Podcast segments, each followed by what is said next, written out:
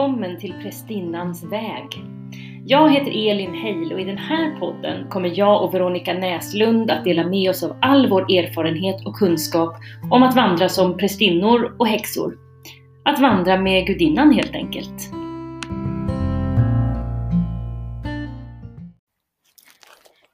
Hej allesammans och välkomna tillbaka till Prästinnans väg. Ibland kommer det avsnitt på löpande band här och idag är jag och Veronica tillbaka och vi har en ny gäst. Vem kan det vara? Jo, det är Margareta Nobel, Marga Korpmor. Välkommen! Kul att få vara med! Ja, det är jätte, jätteroligt att du är här och det är så bra att eh, Um, jag har Veronica till hjälp som är så här, nu kör vi, vi kör det här och vi pratar med den och jag är så här, ja, jag vill ju det, men, men, men jag vågar inte. Och så går allting bara jättebra. Och jag tänkte faktiskt dyka ner direkt innan, jag ens, innan du ens får presentera dig, för att jag blev så nyfiken för att i helgen så hade ju du en dedikeringsceremoni och Veronica var ju med också och hjälpte till. Eh, med några som har gått en utbildning som du har. Kan inte du berätta vad det är, vad det är för utbildning, vad de har gjort, vad det handlar om? Jag har gjort rätt mycket faktiskt. De, är det jag som susar eller är det ni det som susar? Det är Veronica som andas för nära sin mikrofon. Låter som en sån där flåsgubbe. förlåt, förlåt. Ja. Nej, men eh, de, har, de som Veronica var med och dedikerade och gjorde, eller gjorde embodiment för deras dedikation. Det var de som har gått Urds väg 2. De har alltså gått två år och första året är mycket årshjul, möta gudinnan, spegla sig i gudinnan. Gudinnans olika ansikten och det är mycket rutin. Det är liksom börja ha ett altare, börja byta altare vid alla olika tider. Var med ditt altare, kalla in gudinnan, möt gudinnan i naturen. Well you know, det är allt som jag också har fått med mig från Avalon för jag tycker att innan Avalon-utbildningen så hade jag inte jättemycket rutiner även om jag hade lång erfarenhet av shamanskt arbete. Så när jag började min egen utbildning så var det för att få mer kontinuitet och mer rutin. Mm. Och jag tycker att det gjorde mig väldigt gott. Så det mm. var ju vad jag ville ge också. Och sen får man ju pusha ganska mycket. Folk är inte riktigt på det där i början. Jag vet inte om det är olika med var man kommer ifrån eller att det är ovant liksom att att verkligen följa det här, att verkligen jobba med mm. gudinnan, att lära känna så pass många olika gudinnor, mm. namn och sätt att vara och spegla sig i sig och verkligen öppna för vem kommer till mig under den här säsongen. Det mm. kanske inte är alla fem du har fått höra om eller tio, utan det kanske är en eller två i bästa fall. Och liksom mm. att lära sig att lita på det och vara med dem och jobba med just dem då. Mm. Just det Margaret, för jag, jag, jag tänker att du eh, säkert som många av oss praktiserade säkert som häxa innan du blev prästinna. Och sen gick du precis som Elin, du uh, gick i Glastonbury Avalon, Lady mm. of Avalon. Eh, och det är den traditionen eh, Keridwen också kommer ifrån, så jag är Keridwen och Avalon om man säger så. Mm. Mm. Men jag blir så nyfiken för din utbildning heter Urds väg. Mm. Vem är Urd och hur skiljer sig din utbildning från Avalon-utbildningen? Mm. Ja, det är väl en bra fråga. Ja, ska försöka förklara den då. Urd är den, eh, hon är ursprunget. Hon är enligt Eddan och myten så är hon eh, kanske den viktigaste av de tre nornorna under Yggdrasil under världsträdet i den nordiska myten. Eh, så det är Urd, skuld och Verdandi eller ja, Urd, Verdandi och skuld om man ska vara noga med ordningen. Men eh, det är mest Urd som har talat till mig och vad jag än har hittat på sedan 90-talet så har liksom Urd varit med och spökat. Så det har varit, jag började en Urds väg på 90-talet, någon slags syster och broderskap där ett nätverk i Stockholm. Jag var väl, jo jag var häxa innan men jag har väl egentligen mer jobbat med shamanism. Och sen går ju det här ihop. Jag tycker inte att det är något, något liksom Det är inga stora väggar emellan. Det går ihop och det flyter ihop. Mm. Men det är väl det schamanska som har varit och allt resande, att ta reda på saker med hjälp av trumma och sejd och sånt som har varit min grej. Så det som skiljer min utbildning från Avalon är framförallt att jag har också nordiska gudinnor i alla riktningar. Och eh, i år två så jobbar jag ju väldigt schamanskt. År ett är det inte lika mycket som skiljer förutom det här nordiska då. Mm. Och att vår, ja men våra marker, vår natur, vårt sätt att röra sig i den skiljer sig faktiskt från England. Mm. Så att där skiljer det sig också. Vi har allemansrätt, vi kan vara ute på ett annat sätt, man kan kräva lite annat av folk tycker jag också då. Ja. Sen tänker jag att eh, ja, en annan sak som skiljer är att jag vill inte ha så stora grupper. Jag vill kunna liksom lyssna på alla Mm. som är och jag vill att alla ska kunna lyssna på varandra och Mm. väva samman. Eh, Så vi är ganska mycket utomhus och jobbar Mm.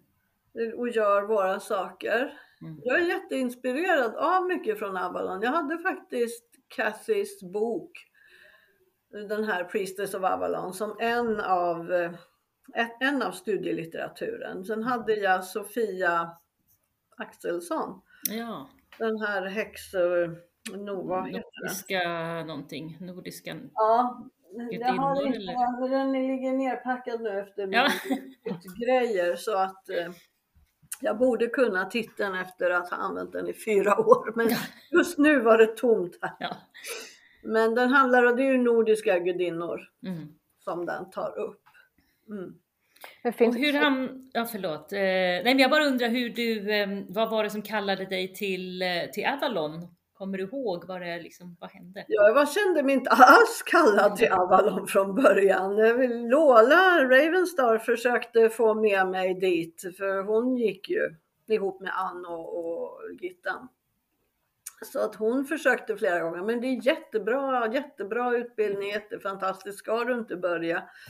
Så hon gjorde goda försök eh, innan att få mig dit. Men jag bara, nej, det där låter inte som min grej. Och Nola var, vem är det? Nej, det, jag stannar här med mina gudinnor och gudar tyckte jag. Ja. Det var faktiskt min man som tog mig till Avalon. Han tyckte att jag skulle följa med dit och eh, ja, han tyckte att jag, vi skulle åka dit bara och titta. Kul med England, kul att träffa Lola, kul att göra det här. Så vi var ju alltså tvungna att åka när, när hon var där också. Det sa åk inte utan att jag är där. Och sen följde Elin Båt med också. Så vi var ett litet gäng där. Mm. Men eh, Lola var ju där innan och tror att hon hade sina egna studenter med eller någonting. Jag, Mm. Kursdeltagare. Jag vet inte, kommer inte ihåg det riktigt. Men jag kommer ihåg eh, och jag och Johan och Elin spökade runt och gick och kollade på allting. Mm. Och jag fick visioner, det var det som kallade mig till utbildningen. Jag Mm. trodde inte jag skulle få några visioner, jag brukade inte få jättemycket visioner. Men jag fick en stark vision i Abin av eh, Lady of the Lake som liksom viftade med svärdet och pekade. Liksom. Och svärdet för mig står ju liksom för någonting mentalt som man kan behöva jobba med Mm. som svärdet i tarotkorten eller någonting. Och det är liksom det enda svärdet här, use it, liksom, Mm. ungefär så. Så det var väl en grej. Några och lite olika saker hände. Det kändes väldigt magiskt, den lilla knasiga ta staden. Mm. Det hände både jättemysiga saker och lite halvjobbiga saker, för det är väldigt mycket blandade energier där. Mm. Och sen, ja, men sen kom jag hem. Jag eh, gick väl fortfarande på, jag gick på psykologlinjen och skrev egentligen uppsats om att ge och få trädgårdsterapi och jag kom ingen vart med den här uppsatsen. Jag stampade mera prokrastinerade, gick ut och hittade på trädgårdsprojekt eller Mm. allt möjligt annat. Det var som att det bara ville sig inte. Jag hade gjort alla intervjuer, jag hade gjort allting men jag ku- kunde inte riktigt samla ihop det. Och sen, eh, ja men då jag hade varit i Avalon så var jag också i templet. Och tyckte att det var ju otroligt kitschigt men också mysigt och också mysigt och det fanns kraft där. Mm. Och det är ju det, det fanns energi, det fanns den typen av energi som jag kallar kraft. Mm. Och det var lite spännande. Sen åkte jag hem och hade jättemycket att göra, tänkte inte så mycket mer på det. Så kom jag på just den där prästinneutbildningen, när var det den skulle börja egentligen?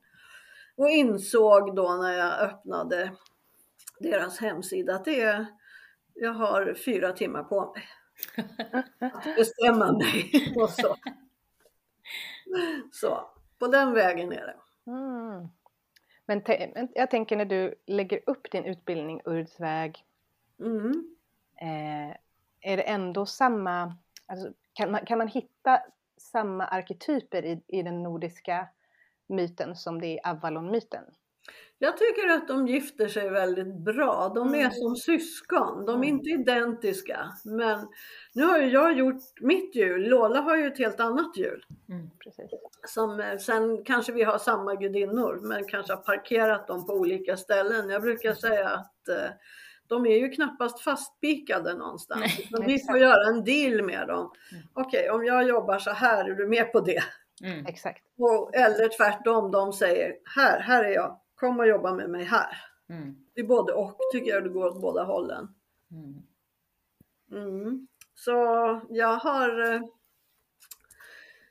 jag har börjat mina år, jag har ju haft fyra prästinneutbildningar Mm. jag har hållit och då har jag, alltså jag kan inte göra samma sak två gånger riktigt. Jag kan göra nästan samma sak men inte riktigt.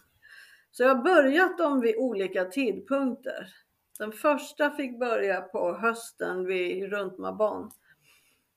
Och eh, då kallade jag den någonting med rötter också. Att liksom, för det kändes för mig som att vi måste gå tillbaka till rötterna. Vi måste till rötterna av världsträdet, till rötterna av vilka vi är Mm. och så vidare. Och sen fortsatte vi ju hela årshjulet. Jag antar att ni har berättat om årshjulet för era lyssnare. Ja, men det har vi gjort. Så jag behöver inte Ja. gå igenom hela Nej, precis. Ja. Men det, för mig när jag gick i Avalon så var det oerhört viktigt från början att relatera de keltiska gudinnorna som jag inte visste någonting om till de nordiska. Mm. Så när vi började i Soin så var det Valfreja som dök upp väldigt starkt för mig och visade liksom hur hon inte var identisk med Keridven men ändå kunde ha en liknande energi. Att liksom jobba med döden och med transformationen och så Mm. vidare. Hel hade jag ingen kontakt med alls då. Till exempel. Mm. Så jag tycker de har kommit. Och det intressanta är ju att för Wow, det ser jag ju på de som har gått för mig också, det är inte, det är inte bara jag som funkar så. Att det kommer olika gudinnor olika starkt. I Avalon, det, jag ville ju ta hit Avalon lite Mm. grann. Jag tänkte att det är många som vill åka dit och lära sig det men de, alla har inte råd och möjlighet att göra det. Himla farande. Ja, exakt. Men, ja, exakt. Nej, men jag tänker också på att det, jag tycker det är så spännande det du säger eftersom jag hade ju ingen eh, koll alls på Avalon Mm, eh, när jag fann Keridoen. mm, Eh, mer än att jag hade åkt dit, eller så Glastonbury varit i templet och, och årshjulet hade Mm. jag väl koll på sådär. Som Mm. säsongerna i sig, men inte att jag hade en gudinna i varje riktning. Mm, mm. Eh, så, och för, för mig, den, alltså den första gudinnan, eller första gudinnekulten som jag kom i kontakt med var ju eh, den hinduiska genom eh, yogan. Mhm, Och där var det ju Kali som var min, eller som fortfarande är en husgudinna Mm. för mig. mm, Ehm, och f- för mig så är ju Keridoen den, de står, ju, de står ju båda för transformation och sen så har, Mm. de, lite, sen har de olika energier. Men jag vet Mm. också att det är många som säger, men du kan ju inte jämföra de två, det går ju inte. eh, eh, men då tänker jag att det är ju faktiskt eh, prästinnans eh, eller häxans egen upplevelse av Precis. gudinnan och arketyperna och Ja. vad det speglar i en. Och för mig finns det ingen intressekonflikt i, i Kali, Kerid och en hel. Fast ja, absolut, de är olika och eh, säger olika saker men de är alla gudinnor av transformation. Sen har de Mm. olika, Mm. Olika sätt att transformera kanske. Och kanske olika i olika kulturer som man Mm. själva väljer att presentera sig lite annorlunda Exakt. beroende på vem de presenterar sig, vem de pratar med, precis som vi gör, Mm. tänker jag. Mm. Ja, så jag tänker eh, som tips för häx, nyfikna häxor och, och prästinnor eller man, man, man behöver inte ens vara häxa prästinna för att vandra med gudinnan utan man kan möta dem i meditationer eller resor eller vad som helst. Mhm. Eh, att jag tycker att det är en viktig aspekt att vad säger den här gudinnan till dig? Mm. Vad, vad vill hon dig?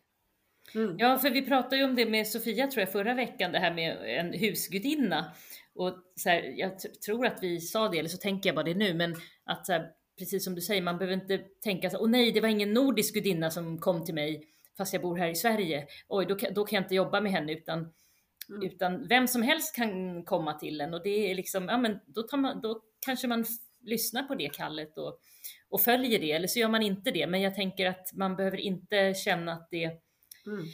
för jag kommer ihåg det var många som frågade mig, det var väl när jag flyttade hem kanske, eh, sa liksom, ja men varför, varför följer du, var- varför jobbar du med engelska, liksom årshjulet och Avalon och bla bla bla Mm. när du bor i Sverige? Ja men det var, det var hon som kallade mig och sen nu har jag ju liksom, eftersom jag bott här så länge nu igen, så har jag ju liksom kontakt med och ka- kallat in och kallar in nordiska gudinnor också och från Mhm. andra traditioner. Så jag tänker att Mm. Eh, Den här öppenheten tycker jag är fin, just att Mm. Det inte finns några lagar och regler just Nej, för oss i alla fall. behöver, vi behöver verkligen inte ha en massa dogmer också. Nej. Nej, precis, det får räcka. Ja, det kan räcka med alla andras. Men eh, jag tänker att vi också kommer ifrån ett supersekulärt samhälle, så det är Mm. inte så himla konstigt. Ett, och också ett väldigt globaliserat samhälle. Jag Mm. menar, alla reser åt alla håll och kanter eller har gjort det. Kanske somliga slutar nu för klimatets skull eller någonting, Mm. de flesta har gjort det. Och eh, då är det väl kanske inte jättekonstigt om den första gud eller gudinna som talar till en kommer från någon annanstans i och med att vi själva inte har växt upp med att ha dem så att säga. Mm. Så i alla fall har inte jag gjort det. Nej, det, det var roligt. Jag var på en, nu avbröt jag dig, men jag var, min hjärna går så här. Ehm, Mm. Jag var på en lektion, jag jobbar i skola och så var det någon lärare som pratade om eh, de gamla nordiska gudarna och kanske nämnde gudinna, jag tror inte det, men i alla fall. Och då bara flikade jag in så här, ja men det finns ju många som, som hyllar dem nu också. Och hon bara, ja det finns många som tror att jorden är platt också. Och Jag bara, Det är inte riktigt samma inte sak. riktigt samma sak kanske. Ja. Men det beror på vad man lägger in i det och Ja, hon verkade ha mycket kvar att lära sig då. ja. Ja, det tycker jag. De skulle kunna vara. Och det är väldigt, eh, jag tänker också att vi har stora communities i, Sverige och Norden eh, där vi firar, men alvablot och, och alltså det, det firas, det är inte så att jag tycker det var ett korkat uttryck att säga att ja, men det, jag tror att jorden är platt. Det finns mer än vad man tror och Mm. det är inte så himla svårt att söka upp det. Det är bara en Google-sökning bort. Mm. Ehm, och eh, varför ska man varför ska man vara så trångsynt? ja precis. Ja, men jag tänker att de som, de som, det blir ju en slags platthet i det, i, i den lärarens synvinkel eftersom hon inte Mm. kan se utöver vad man har vägt och mätt och skrivit i skolböckerna. Mm.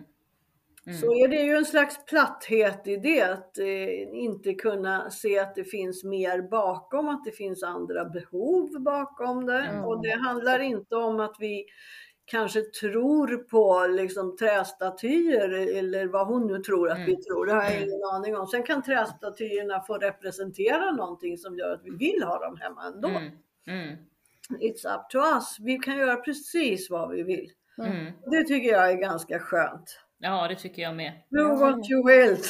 Ja, Det vara lagen, det tycker jag låter bra. Och så behöver vi inte göra illa fler varelser än vad vi måste. mm. Och försöka låta bli överlag. Försöka jobba med kärlek och skönhet. Mm. Ja. Det tror jag på är det viktigaste men att eh, det är ju en sån superviktig grej i en prästinneutbildning tycker jag att eh, och någonting som jag vill göra i alla fall och sen vad jag lyckas med det får andra tala om. Men jag tycker att en viktig sak är att försöka hjälpa folk att hitta tillbaka till sin egen auktoritet. Mm. Alltså ska inte jag servera dogmerna mm. utan jag vill att de ska ha egna mystika upplevelser och lära sig av dem. Sen mm. kan jag vara hård och tycka att ja, men ni ska jobba med det här under den här tiden. Mm. De här läxorna, de vill jag ha in. Mm. Och jag vill att ni ska göra de här grejerna. Men Sen deras upplevelser vill jag ju inte styra. Nej. Jag vill ju att de ska hitta sin kontakt med gudinnan och sitt sätt att kalla in henne och så vidare. Mm. Eller att kommunicera, inkallning kanske är fel uttryck, kommunicera med henne. Hon är mm. ju här, men att vi, vi öppnar för den kontakten mm. på ett helt annat sätt. Precis. Ja, det var, det var lite dit jag ville komma för att sluta den cykeln mm. lite att det viktigaste är ändå prästinnans intention. Mm. Eh, och kommunikation med den utvalda gudinnan eller eh, gudinnan som har valt den. Mm. Att det är därifrån vi vill jobba. Sen är vi människor. Mm. Eh, mm. men vi, vi har pratat om det här på prästinnans väg, mycket så här, men vad, vad kan vara skillnaden mellan häxa och prästinna? Vad, vad, vad är prästinnans praktik och som du säger Margaret, jag tycker liksom, ja, men vi, vill, vi vill skapa kärlek och mm. skönhet i världen. Mm. Och där utgår, vi, där utgår vi ifrån och det, det är ett kall och en mission, mm. tänker jag.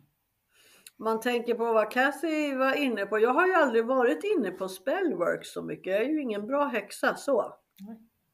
Däremot har jag, ja men alla olika spells vad man kan säga och göra. Jag har nog mer bett alltid. Mm. Och det vet jag att Cassie Jones i alla fall tycker att ja, men det är skillnaden. Men mm. vi, vi ber, vi pratar med gudinnan. Vi, vi gör inte spells för att saker ska bli som vi vill att det ska vara. Mm.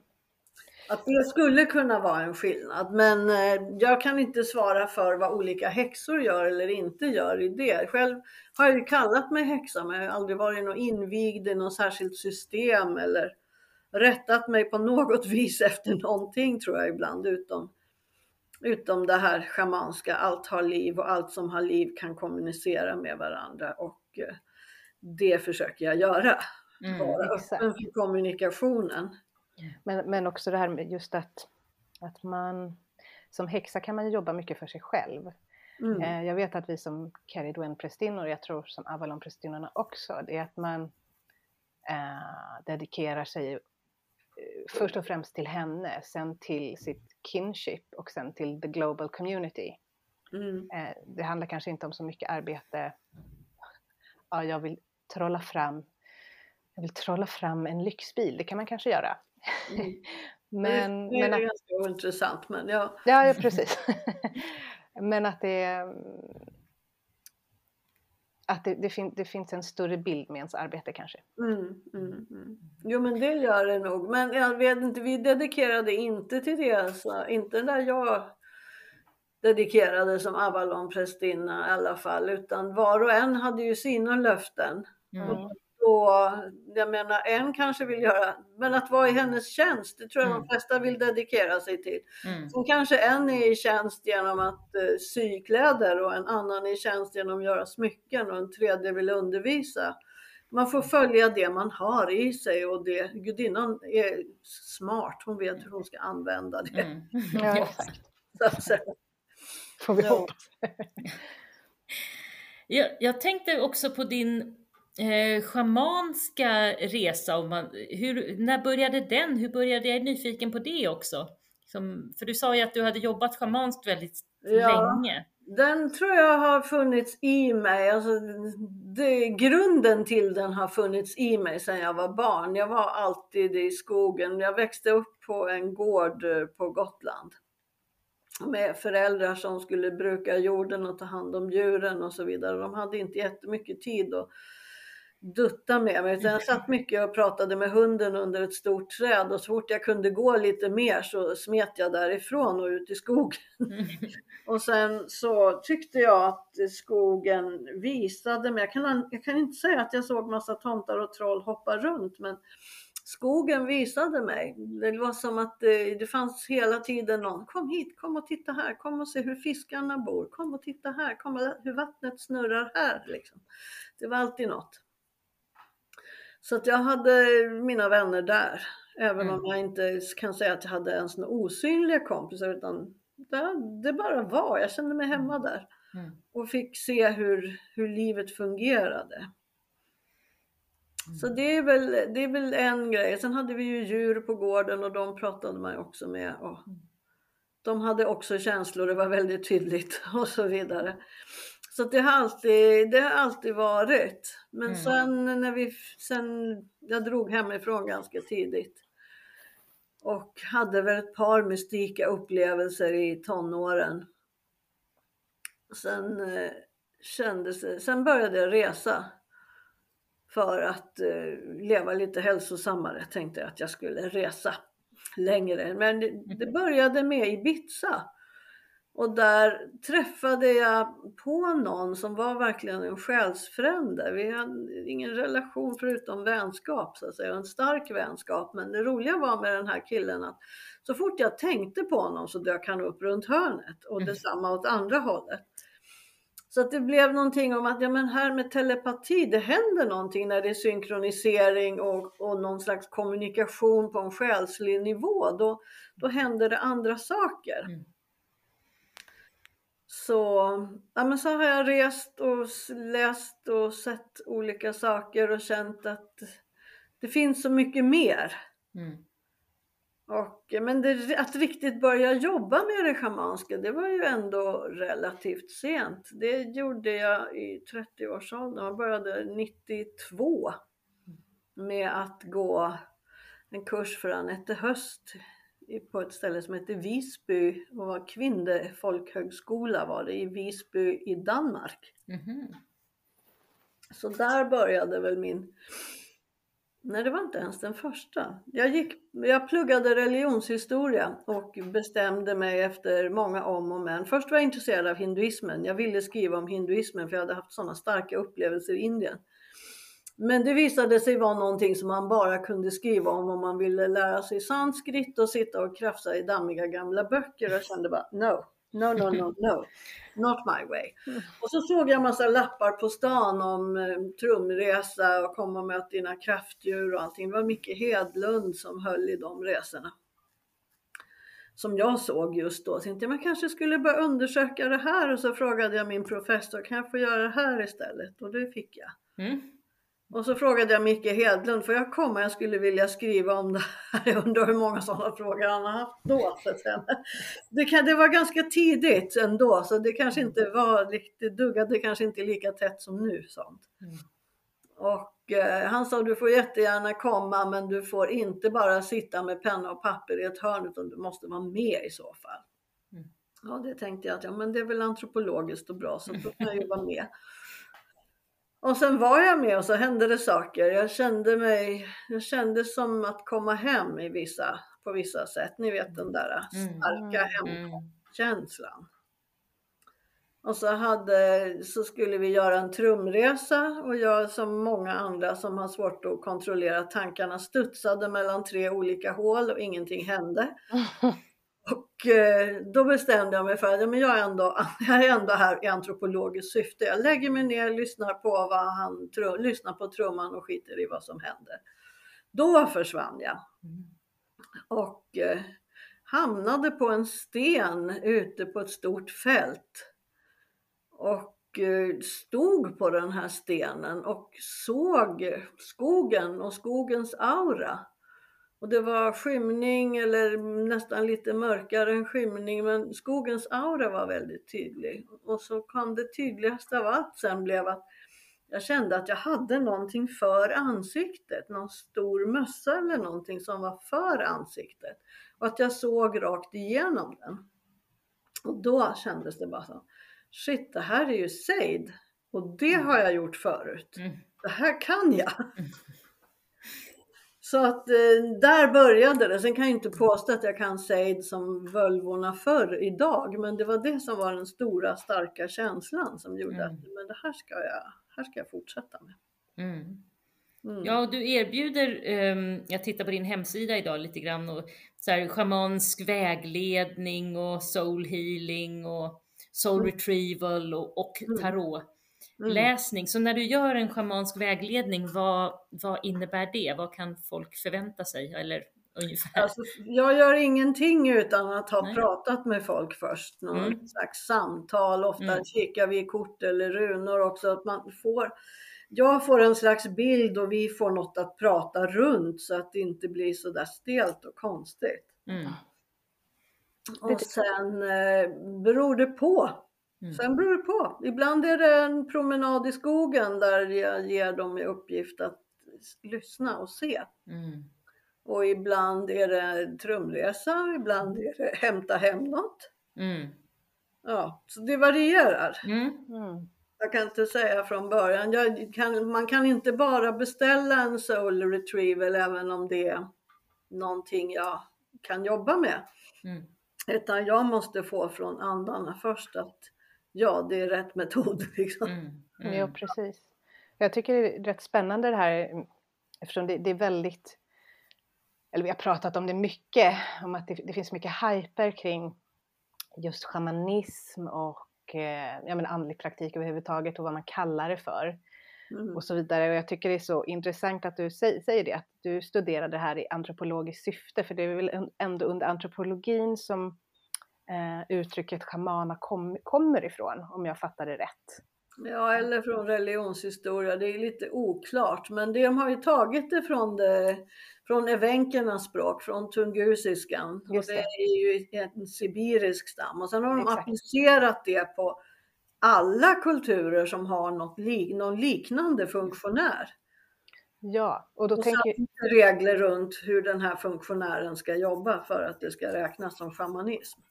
Och, och kan inte du, jag tycker det här är jättespännande, vad, vad är det som är shamanistiskt arbete? Som liksom pinpointar det.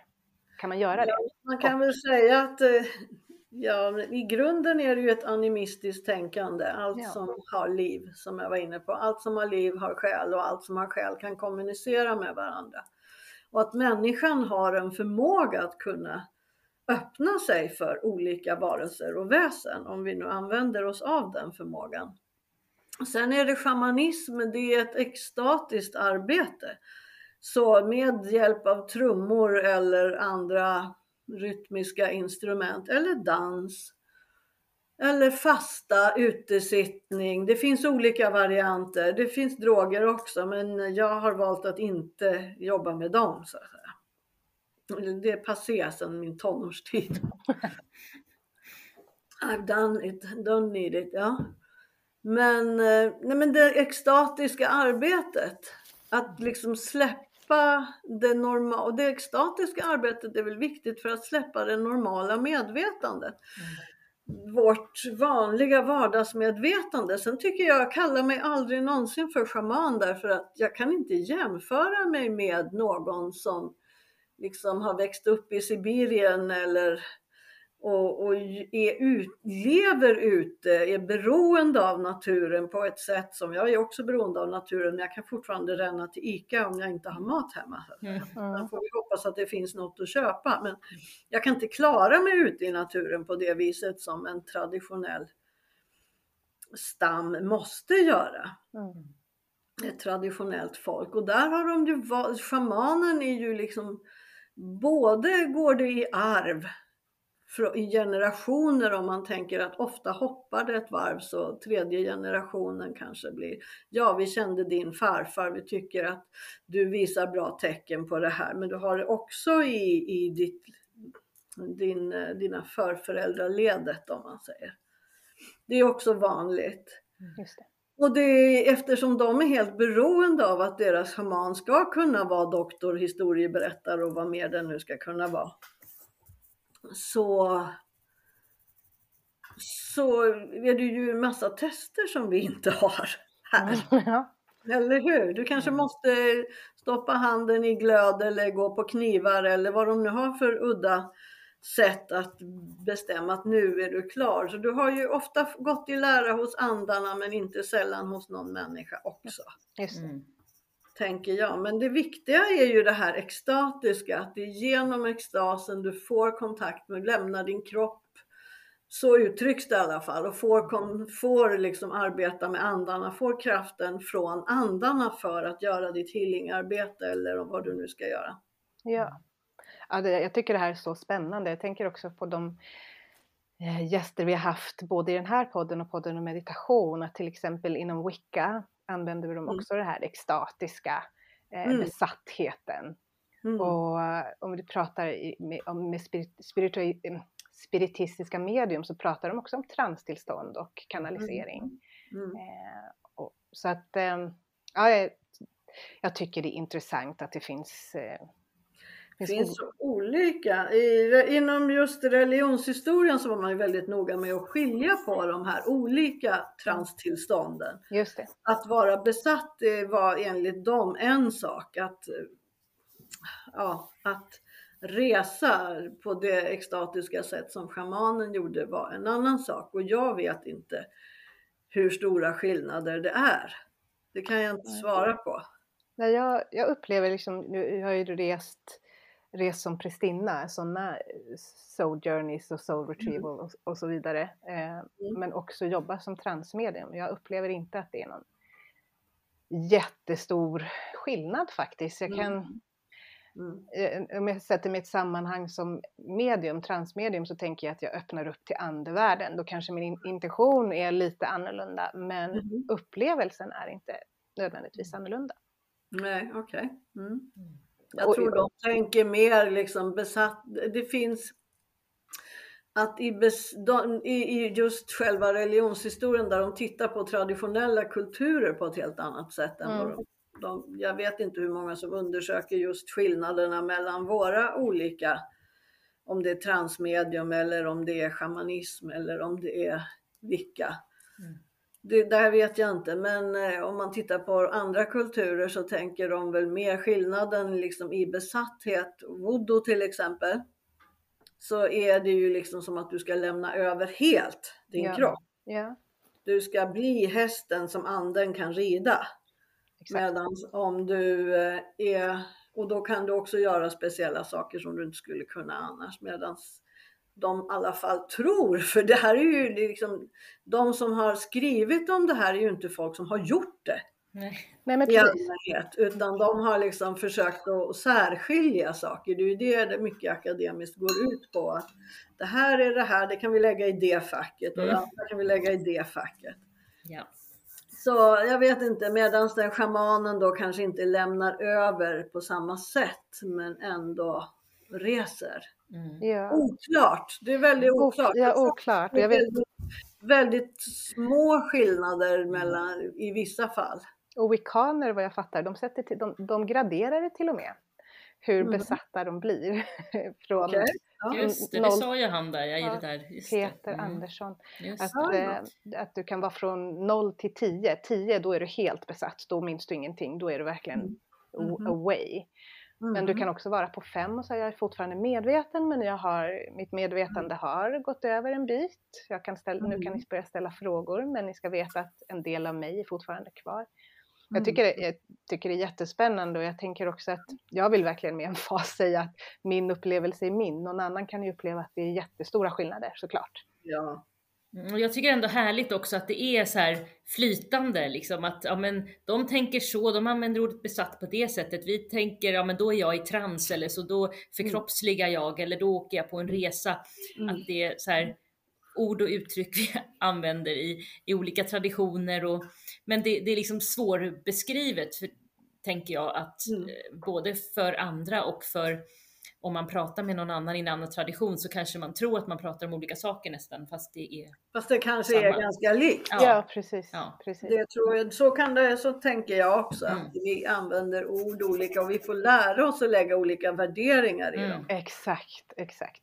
Och i, jag menar, i den akademiska religionshistoriska svängen så har det ju diskuterats, ta till exempel sejd, Är det fylgorna som kom, sjung den här Vardlockur-sången för att för Seiden? Är det för att völvan ska resa eller är det för att andarna ska komma? Jag ser Mm. ingen motsättning i de två. Nej. Ja, eh, både och kanske. Ja, ja verkligen. Ju mer man prövar och upplever själv, så ju mer får man ju gå på sin egen upplevelse. Och, exakt. Och det är ju någonting som också är viktigt tycker jag i en prästinneutbildning, att Mm. lära folk att lita på sin upplevelse. Mm. Att liksom parkera den där nojiga tanken, det här är väl ändå något jag bara hittar på. Ja. Sätt den på balkongen och se vad som händer. ja, för det säger jag alltid när jag leder meditationer. Strunta i om du hittar på det också. Liksom, Mm. ta bara emot det som kommer. Det kanske är på riktigt eller så är det en fantasi. Vem bryr sig? Liksom, ta emot budskapen som kommer. Exakt. Alltså, så, så kommer man ju någonstans. Eh, och det Ja. är ju med, med övning eh, som, som man utvecklas i det också. Det, jag brukar, jag kommer ihåg när, jag, när vi började göra såna här resor på min prästinneutbildning och jag var så här, nej men jag ser ingenting och ingenting händer och då är det bara så. Och så sa någon så här, nej men man kan nog lära sig. Jag bara, mm, men inte jag. Och sen, ja men du vet, med övning så är det ju det ena och det andra och det tredje som, som jag upplevde. Så det tycker jag också är så här, det går att lära sig även om jag eh, aldrig kommer bli ett transmedium skulle jag säga, ens i närheten av jag någonting sånt. Men det, till, bara tillit, det har jag ingenting med själv förstår. Men jag, jag tänker också att det är så att eh, ja, men, mm, man håller, nu håller man, har, har man hållit på och häxat några år här och prästinnat några år. Och jag är, blir mer och mer sådär berörd över att träffa likasinnade och en av dina fina prästinnor, Marga, eh, hon pratade om när hon såg en vattenjätte Mm.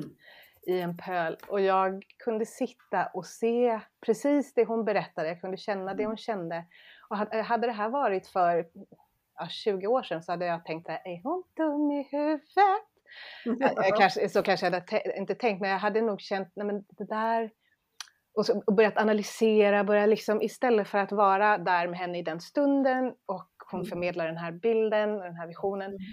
Och den här fina, fina känslan av att Gud vad skönt att jag inte är ensam, att jag Mm. inte är dum i huvudet. Mm. Att, jag inte, att det liksom är, oavsett om det är att hon delar med sig av sitt universum och jag inte har varit med om det, eller om jag förstår precis, så spelar det ingen roll. För att hon delar ett förtroende, Mm. jag kan vara där och hålla det spacet och hålla om henne och eh, bejaka det.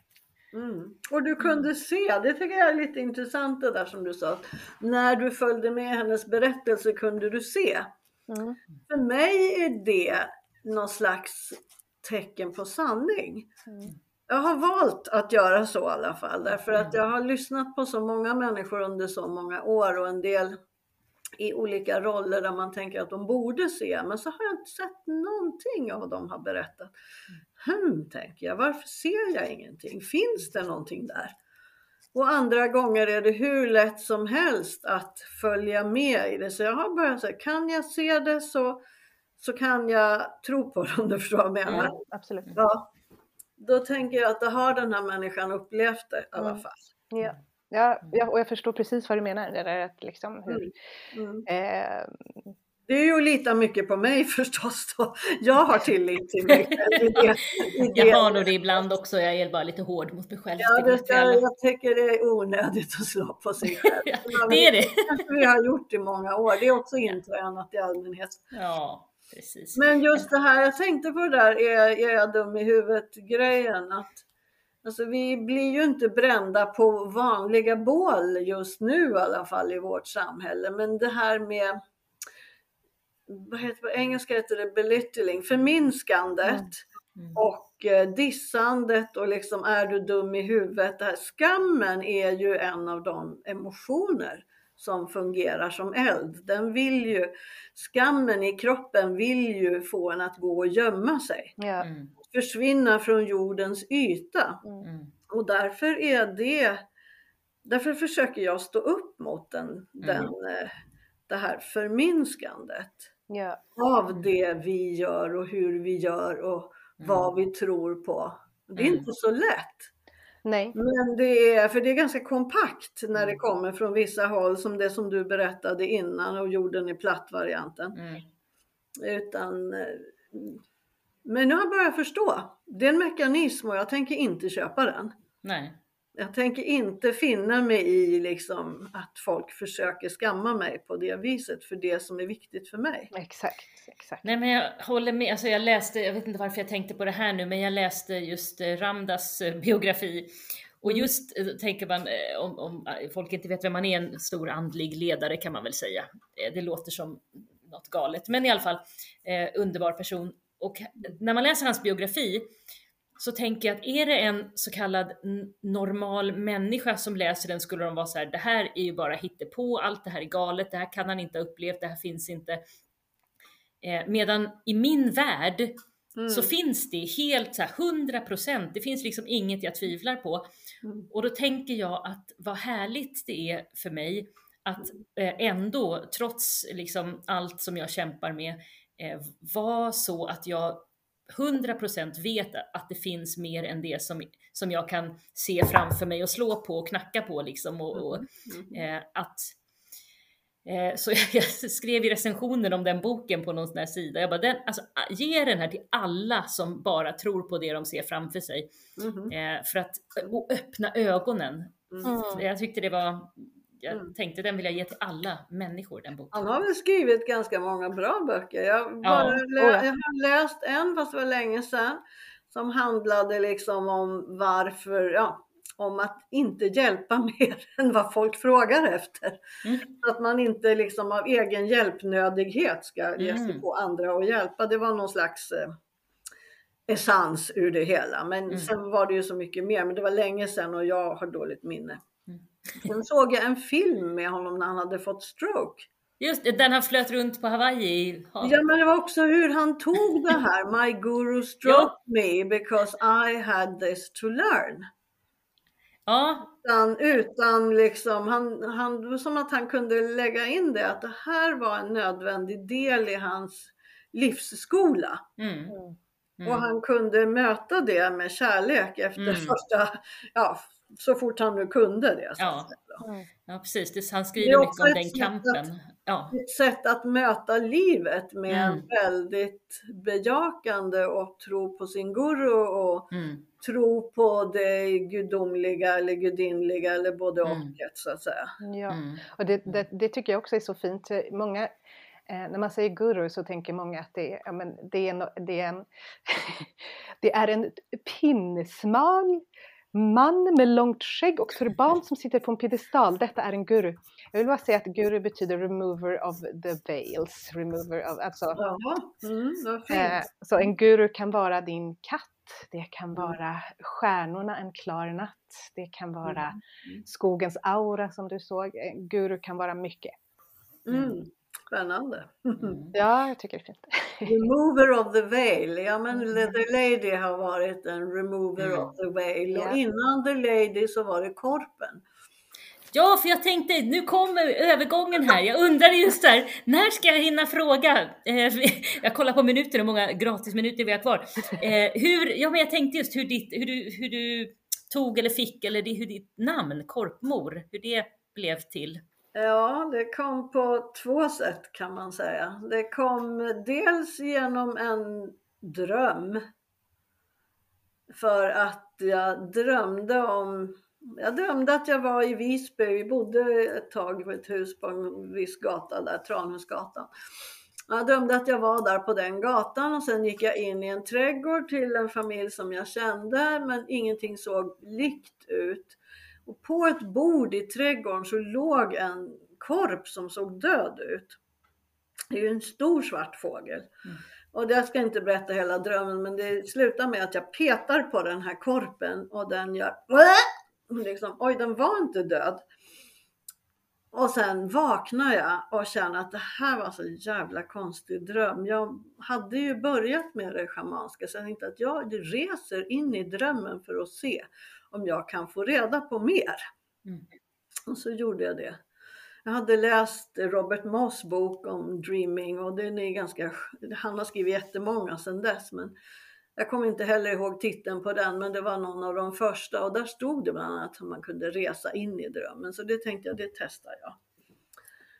Och det funkade jättebra, så då kom korpen till liv, så kan vi säga för att göra det hela väldigt kort. Mm.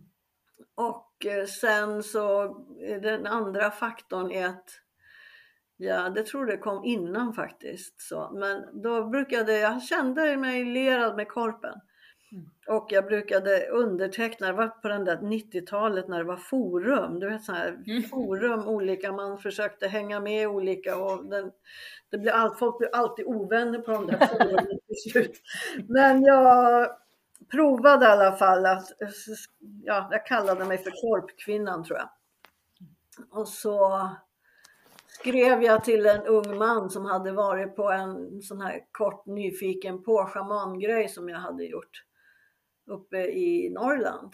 Och så undertecknade jag mejlet med korpkvinnan och då svarade han, tjena korpmor. Och så, Mm. Mhm. Ja men där satt den, det passar Mm. i mitt namn.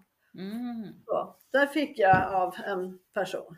Ja, vad fint, vad roligt. Vilken roligt när det är en sån här resa också, när man Ja. liksom, det kommer efter ett tag.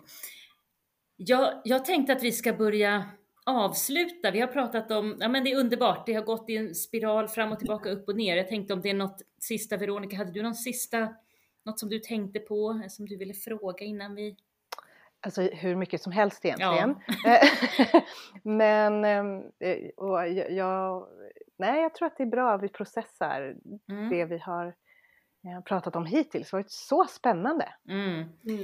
Verkligen, jättekul och jag, jag känner alltid så här när vi har gäster, när har, vi har gäster här eller i någon annan podd så är jag så här, åh, ja men vi måste ju ha liksom del två sen så att vi, vi får återkomma Ja, får ni processa och se om ni behöver någon del. korpmord del, Det del är två. Ja. jättefint att få vara med. Och jag, Ja. jag vill bara säga också att eh, det här Urds väg eh, år 1, 2 och 3 hade jag ju ett tag. Mm. Men eh, jag har bestämt mig för att inte göra samma sak igen.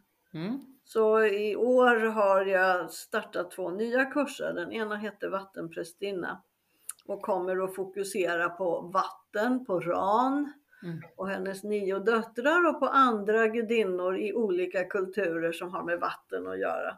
Mm. Och Jag tycker det, inte den nordiska traditionen är heltäckande på hur man kan jobba med vatten nämligen. det, jag tänker också på, på jordens vatten, på Moder jord, jords vatten. Så, Mm.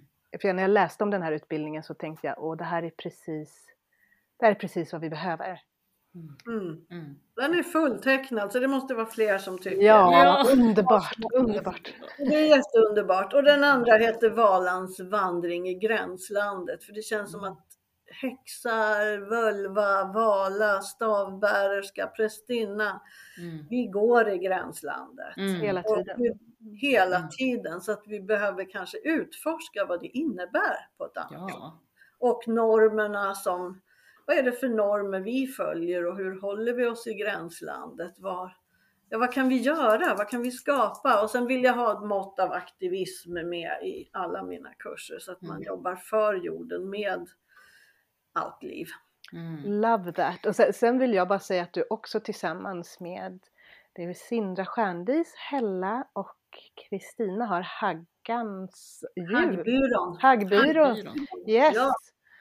Ja, det är jätteroligt. Jättefint.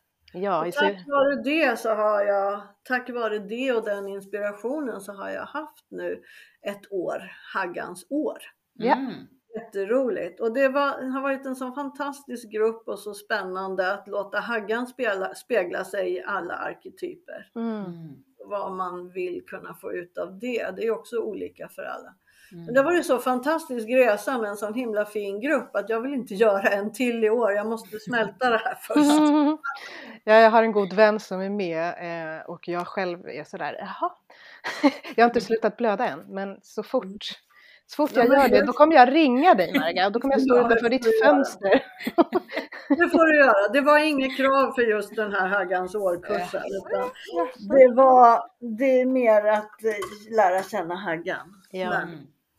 Nej, men det är jättefint. Jag hoppas jag kan göra det någon, något annat år. Men nu ska jag, du vet man måste integrera ibland. Mm, verkligen. Smälta det och om det har varit tillräckligt bra så vill man inte bara göra om det på en gång för det kommer alltid bli annorlunda. Ja, Precis. precis. precis. Jag tänkte just ha på... lite distans innan jag klarar ut det. Ja, jag tänkte mycket distans. Jag, jag gick ju eh, Avalon för länge sedan, 20 år sedan, och, och nästa år ska jag börja en ny prästinneutbildning på Sofia-templet. ja Då vad tänkte jag. Ja. för att tala om att processa och smälta, så då har det tagit mig 20 år. Så att nu Ja. det kör vi. Och nu, nu kom du, nu avslöjade du. Elin. Ja, just det. Jag sa att jag skulle göra för några Ja. avsnitt sen. Ja. All Jag tror det blir jättespännande, vad Ja, fint. kommer bli ja. Jag tror det kommer bli, alltså jag längtar, jag längtar, jag längtar så starkt till, Mm. till att det ska börja. Jag är så nyfiken. Jag är, det är också sådär liksom med Avalon-utbildningen, jag var såhär, vad ska, vad ska man göra? Jag vet inte vad det handlar om, jag, vet, jag visste bara att jag skulle dit. Och den här är också så här, ja men nu kan man ju läsa på internet, men ändå är det så här. Vad ska vi göra? Jag vet inte, men ändå är det bara så här 100% att jag ska, Då är det så rätt. Ja. ja. Det är som när jag signade upp för min Avalon-utbildning när jag skulle gå den, apropå den där uppsatsen som jag aldrig skrev då. Mm. I samma ögonblick som jag hade skrivit på och skickat in de här papperna och, och ringt Sindra innan och frågat om inte hon skulle haka på. Vilket hon gjorde när hon Mm. inte hade så många timmar på sig att fundera. Ja. Ja men då började jag få energi. Mm. Jag kunde skriva också. Mm. Det var Ja. så, jag tror att man, när man liksom gör det som själen ropar efter, Ja. det löser sig mycket. Ja. Ja, för det var det eh, Katarina, när jag pratade med henne eh, som håller utbildningen, då sa hon att just, men jag signar ju upp ett år innan den börjar nu. Mm. Och hon sa, ja men det är liksom, det är också, är också bra för att då, ja men då, som du säger, du har tagit beslutet, det här ska hända och då, redan då börjar det hända saker i mig och Mm. det gör säkert det. ja. Eh, Så- så att det ja. Så var det för mig Ja. också. Det, var ju ett, Mm. det, tog ett år. Jag bestämde mig för Keriduen-utbildningen. Sen tog det ett år innan jag signade upp. Mm. Mm. Eh, men eh, ja, känner man kallet så känner man kallet. Mm, Mm. verkligen. Mm. Och med det hörni så kommer jag att avsluta detta. Så att, tack så hemskt mycket båda två som Tack så vanligt. hemskt mycket båda två, vilket härligt samtal. Ja. Underbart. Att det blir bra kvalitet nu rent tekniskt så ni kan använda det. Det blir det alltid, det oroar vi oss inte för. Så att, Härligt. tack så mycket! Ha det gott, Tack. hej då! Hej då!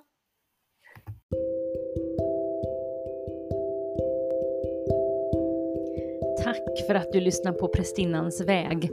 Du hittar mig, Elin Heil, på elinheil.com och eh, på sociala medier som Avalon Yogini.